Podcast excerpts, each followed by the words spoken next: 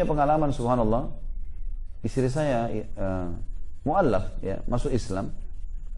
Awal dia setelah masuk Islam, saya carikan kegiatan. Kebetulan dia punya keterampilan di salon gitu.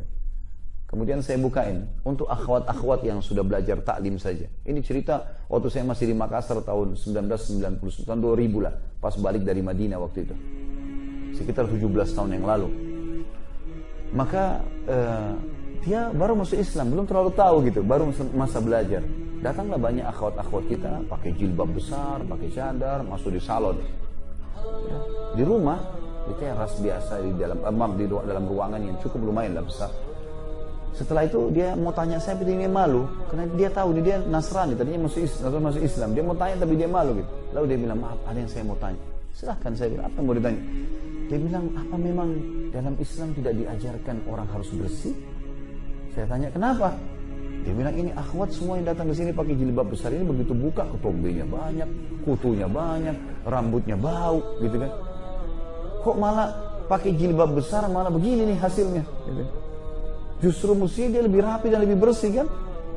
Teman-teman sekalian, Ka'ab bin Malik radhiyallahu sahabat Nabi yang mulia, pernah lewat di depan rumah Nabi SAW tidak sengaja lewat. Beliau lihat bulan purnama lagi terang, indah sekali. Saking indahnya sampai Kaab tidak mau mengalihkan pandangan matanya.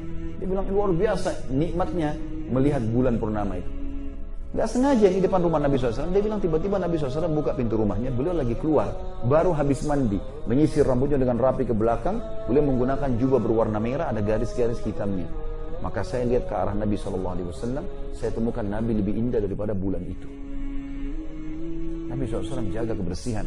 Beliau selalu menggunakan minyak wangi. Bahkan para sahabat mengatakan kami kalau salaman dengan Nabi SAW kami temukan baunya sampai tiga hari.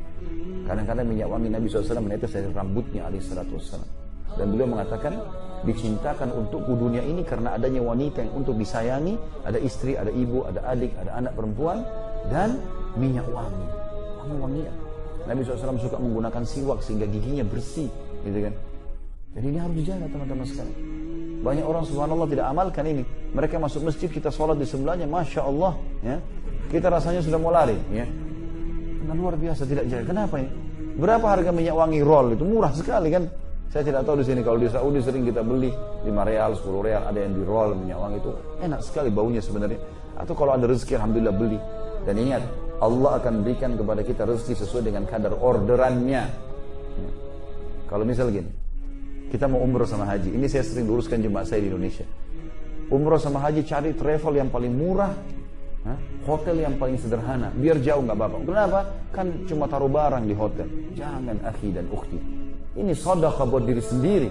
Kenapa bukan bintang lima? Nikmati. Bisnis kelas. Allah akan kasih gantinya sesuai dengan kadar perbuatan kita. Orderan kita bintang lima, Allah kasih bintang lima. Orderan kita biasa, Allah kasih yang biasa. Harusnya begitu. Subhanallah saya dulu Waktu ini pengalaman pribadi, cuma mau berbagi saja. Saya dulu sering naik pesawat ekonomi kelas, gitu kan. Mulai saya beranjak menggalang beberapa usaha, saya bilang enggak, saya coba naik ke bisnis kelas. Bukan untuk sombong, tapi kenapa saya nggak nikmati rezekinya Allah? Semenjak itu saya berdoa sama Allah, ya Allah mudahin supaya saya tidak pernah naik ekonomi. Subhanallah, sudah berapa tahun saya kena bisnis terus. Gak pernah saya naik ekonomi. Dan saya memang merasakan Allah gantikan nilainya kok. Allah gantikan nilai. Dan semenjak itu banyak sekali jemaah saya, Alhamdulillah umroh haji tidak pernah lagi hitung-hitungan. Jangan hitung-hitungan sama Allah ini royal sama Allah, Allah akan kasih juga. Ya.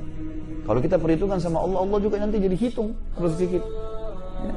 Kalau sodaka di jalan Allah besar, celengan masjid lagi lewat, saya tidak tahu di sini kalau antum di sini tidak ada celengan ya. Kalau di Indonesia kan banyak celengan masjid nih. Banyak orang kita kasih 2000, 2000. 2000 itu apa? Minta kesehatan, keturunan, selamat dari neraka, masuk surga. 2000 rupiah. Ini luar biasa nih. Ya. Mau dapat ikan paus, pakai kapal tanker. Ini enggak, pakainya kail kecil, enggak bisa lah. Ya. Seperti itulah. Jadi di jalan Allah harus tidak boleh perhitungan teman-teman sekalian.